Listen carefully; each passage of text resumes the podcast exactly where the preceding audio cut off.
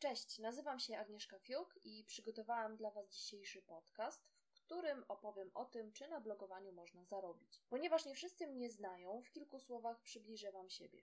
Od 2005 roku związana jestem z branżą internetową. Zaczynałam zakładając internetowy sklep plastyczny dla dzieciaków.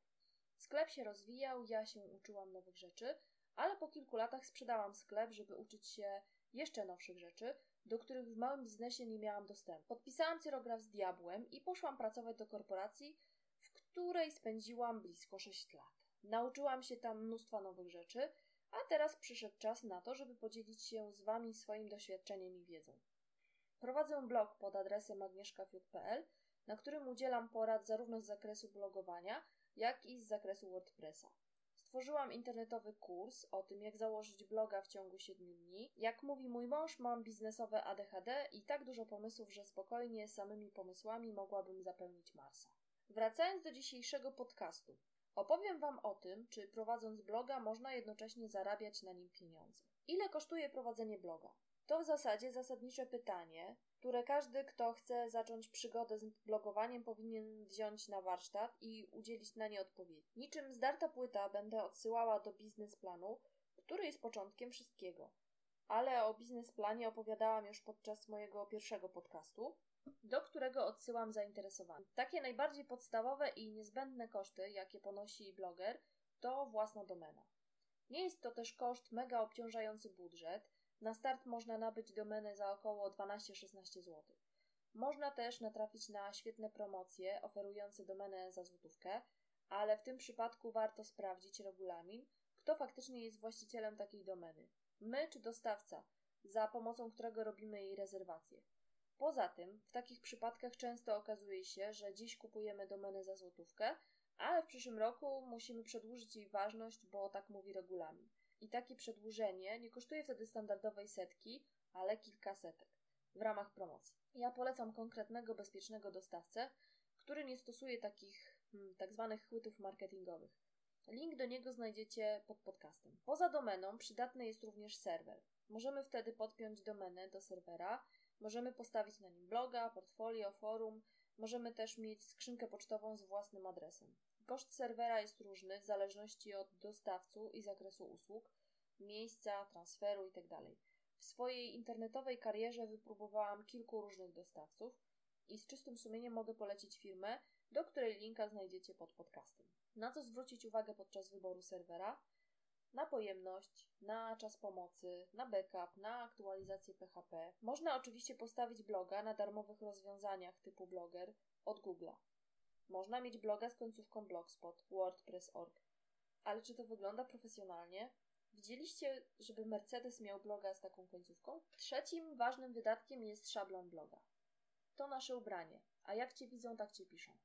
Warto wydać kilka złotych na płatny szablon. Darmowe skórki bywają fajne, ale mają pełno dziur i tajnych wejść do naszego bloga, przez którego możemy zupełnie nieświadomie rozsyłać wirusy czy też spam. Przetestowałam już wiele szablonów i od jakiegoś czasu jestem wierna szablonowi Divi, który moi kursanci otrzymują w cenie kursu. Koszt szablonu to około 200 zł. Jak wycenić własny czas? Dwie godziny. Jak wycenić własny czas? 2 zł za godzinę, 50 zł za godzinę. To odwieczny problem każdego blogera. Problem zwłaszcza wtedy, gdy pojawia się wizja zarobku. Na ile wyceniasz swoją własną pracę? Na ile wyceniasz swoją własną wiedzę? Czas, jaki spędzasz przy przygotowaniu wpisu, obróbce filmu itd. Tak Mamy taką tendencję do pewnego niedowartościowania swojej pracy i swojego czasu. Na zasadzie, a bo jak powiem 50 zł, to powiedzą, że za dużo im nie wyśmieją. Kolejne wydatki, jakie pojawiają się podczas prowadzenia bloga, to wydatki ponoszone na jego promocję. Celowo nie wyszczególniam ich tutaj. Dlaczego? Bo zależą one od naszej kreatywności, naszego pomysłu i potrzeby. Nie są też niezbędne. Może się okazać, że wasz blog jest tak super, treści, które na nim umieszczacie są tak niesamowite, że czytelnicy będą do Was ściągać w podskokach i z radością. Miałam nie wspominać o biznesplanie, ale jeszcze takie krótkie zdanie, żeby zachęcić Was do jego robienia. Biznesplan pozwala uporządkować y, również kwestie wydatków i ewentualnych oczekiwań przychodów. Chcąc zarabiać na blogu, trzeba również zastanowić się nad kreowaniem własnej marki. nad nazwą, nad logotypem, nad naszym designem. Nad tym, żebyśmy stali się rozpoznawalni w sieci. Żeby ktoś, kto słyszy nazwę jadłonomia, wiedział, że mamy na myśli wegański blok kulinarny, a nie bar szybkiej obsługi w Słupsku. Swoją drogą pozdrawiam panie z poranka, do którego chodziłam na naleśniki przez całą moją szkołę średnią i studia.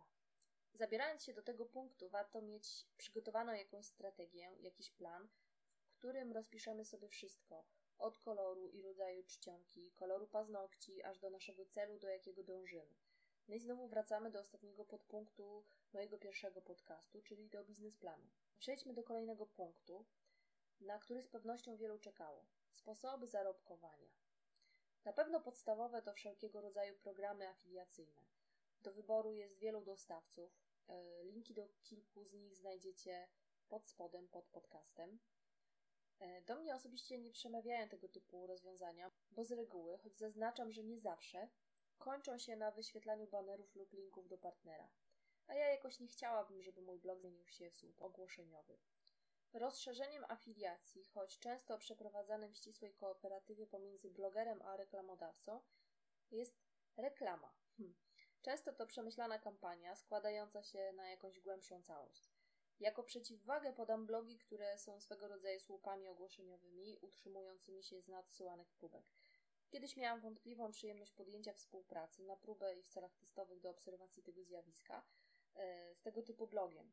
Po jednorazowej akcji, od razu spisanej na, na straty, otrzymałam około 70 parów wiadomości od początkujących blogerów, którzy w zamian za produkt chcieli o nim napisać recenzję. No świetnie.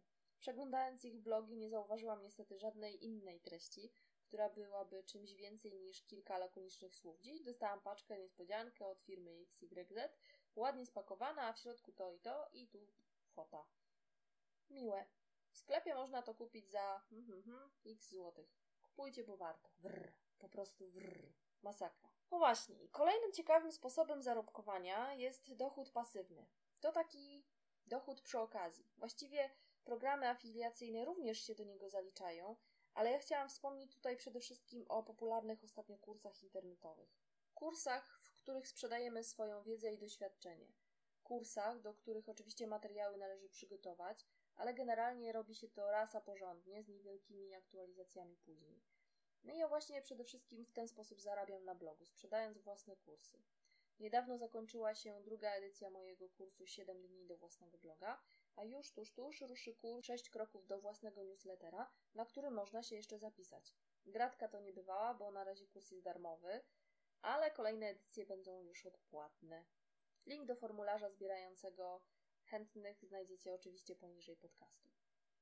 Zamiast sprzedaży kursów, można prowadzić sprzedaż do swoich webinarów. Można też prowadzić kursy stacjonarne. Można napisać książkę i sprzedawać ją za pośrednictwem strony bloga.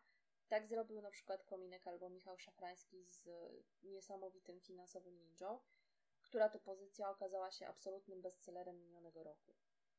Jak widać, te ostatnie sposoby zależą w dużej mierze od naszej marki. Jeśli jesteśmy postrzegani jako specjaliści w danej branży, mamy większą szansę na powodzenie i sukces. Chciałam Wam jeszcze opowiedzieć o własnej liście mailingowej. Dlaczego akurat w tym podcaście? Bo osobiście uważam, że budowanie takiej listy ściśle wiąże się z możliwością zarobkowania. Wysyłacie newsletter do swoich odbiorców? Jeśli nie, warto o tym pomyśleć. Jeśli tak, czy na pewno dobrze wykorzystujecie posiadaną bazę? Obecnie współpracuję z dużą firmą nad pewnym projektem. Jednym z jego punktów jest właśnie newsletter. I firma posiada ogromną bazę danych, bazę, której ogromu niejedna inna firma mogłaby jej pozazdrościć, ale też i bazę, która jest już tak mocno wyeksploatowana, że ciężko z nią zrobić cokolwiek sensownego, żeby nie kończyło się nawałem maili z tematem wypisz. Zbudowałam więc newsletter i powoli buduję niezależną grupę odbiorców. Wiecie, że wartość wielu firm wyceniana jest m.in. na podstawie wielkości ich bazy, bazy potencjalnych i obecnych klientów. I nie jest ważne, czy ten klient już coś kupił, czy dopiero się nad tym zastanawia. Ale jeśli zajeździmy taką bazę, stanie się ona całkowicie bezwartościowa. Zakładając własną bazę, możemy naszym odbiorcom proponować płatne i bezpłatne usługi. Konto na Facebooku i ilość fanów nie zawsze się przekłada na ilość osób zapisanych na nasz newsletter. I jak wielu z nas jest zapisanych na newsletter w jakiejś firmie czy na jakimś blogu, a jak wielu z Was lubi fan, ich fanpage? jeden do jednego? Podsumowując dzisiejszy podcast. Jeśli zakładacie bloga i waszą pierwszą myślą jest pytanie, ile jestem w stanie zarobić na blogu, do tego potrzebna jest cierpliwość oraz ogromny nakład czasu i pracy. Czasem i pieniędzy, żeby wesprzeć się czyjąś pomocą. I pomysł na siebie, i na swojego bloga, i biznesplan. I żeby Was nie gnębić, podpowiem, że szablon i wzór do biznesplanu możecie ściągnąć z mojego bloga z zakładki niezbędnik blogera. No i jeśli macie jakieś pytania lub uwagi, to ja jak zwykle będę wdzięczna za pozostawienie ich w komentarzach do dzisiejszego nagrania. Do usłyszenia.